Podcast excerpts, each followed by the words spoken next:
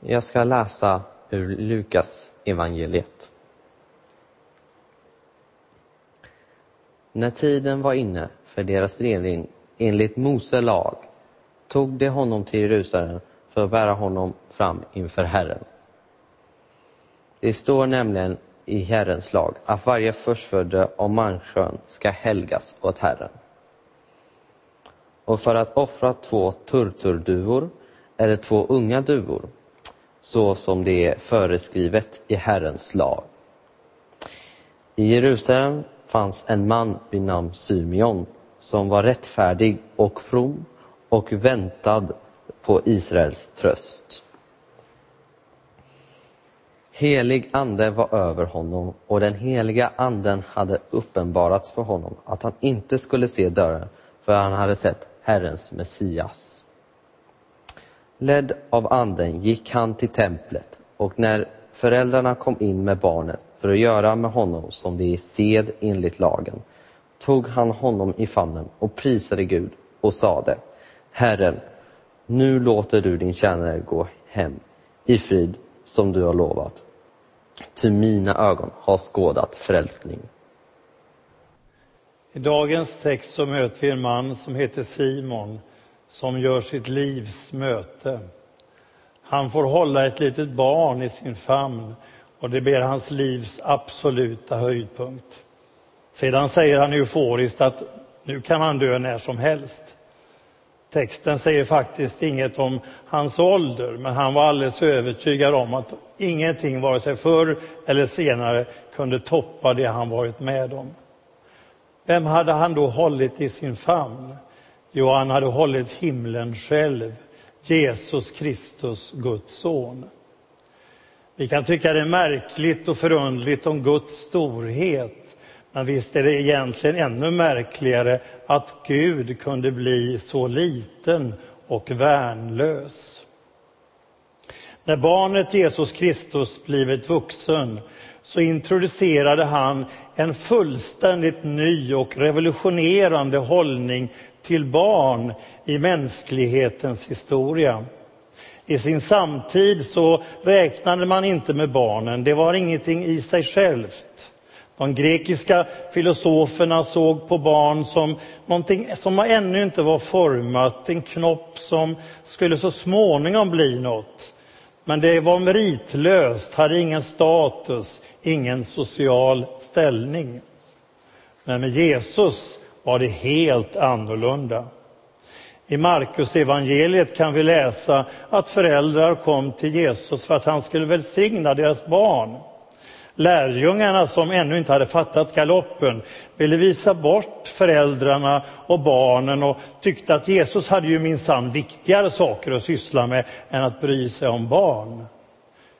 Men till deras stora häpnad så blir Jesus oerhört upprörd över deras nonchalanta attityd och säger till de överraskande församlade att Guds rike på ett särskilt sätt tillhör barnen. Låt barnen komma hit till mig och hindra dem inte. Guds rike tillhör sådana som det. Och om ni inte omvänder er och blir som ett barn så kommer ni aldrig in i Guds rike. Och han tog dem i famnen, la händerna på dem och välsignade dem.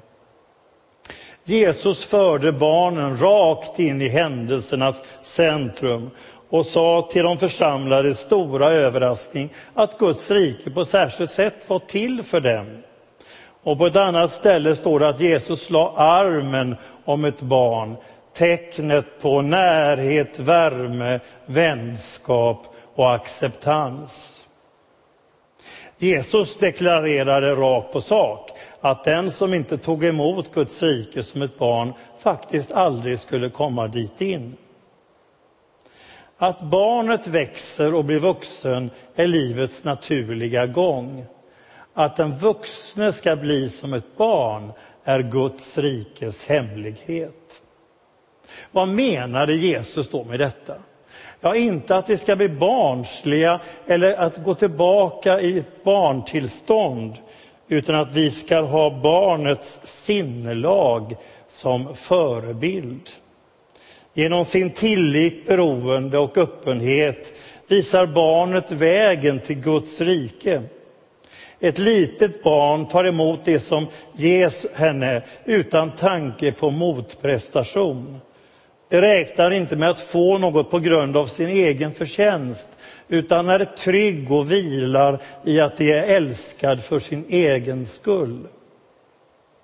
Vi lever i prestationsångestens tidevarv med ständiga krav på att kunna visa resultat, prestation och aktivitet.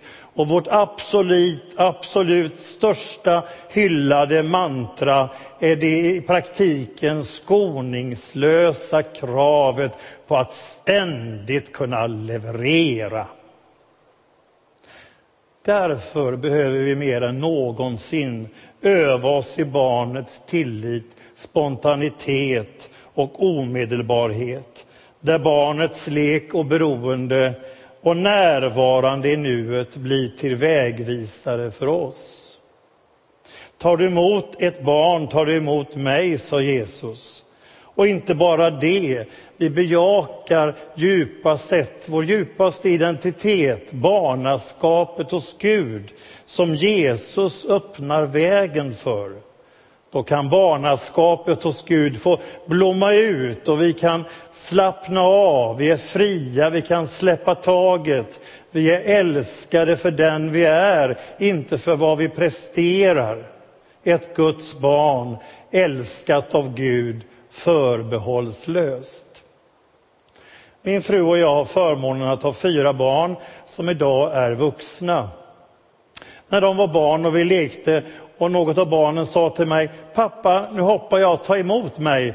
Och jag öppnade min famn och barnet hoppade rakt in i famnen.